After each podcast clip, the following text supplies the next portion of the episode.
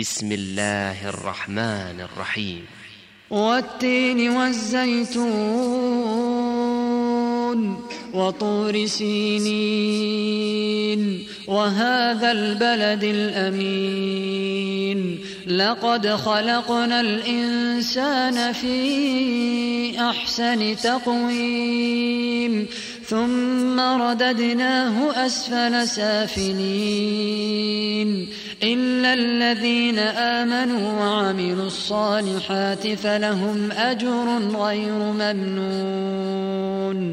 فما يكذبك بعد بالدين؟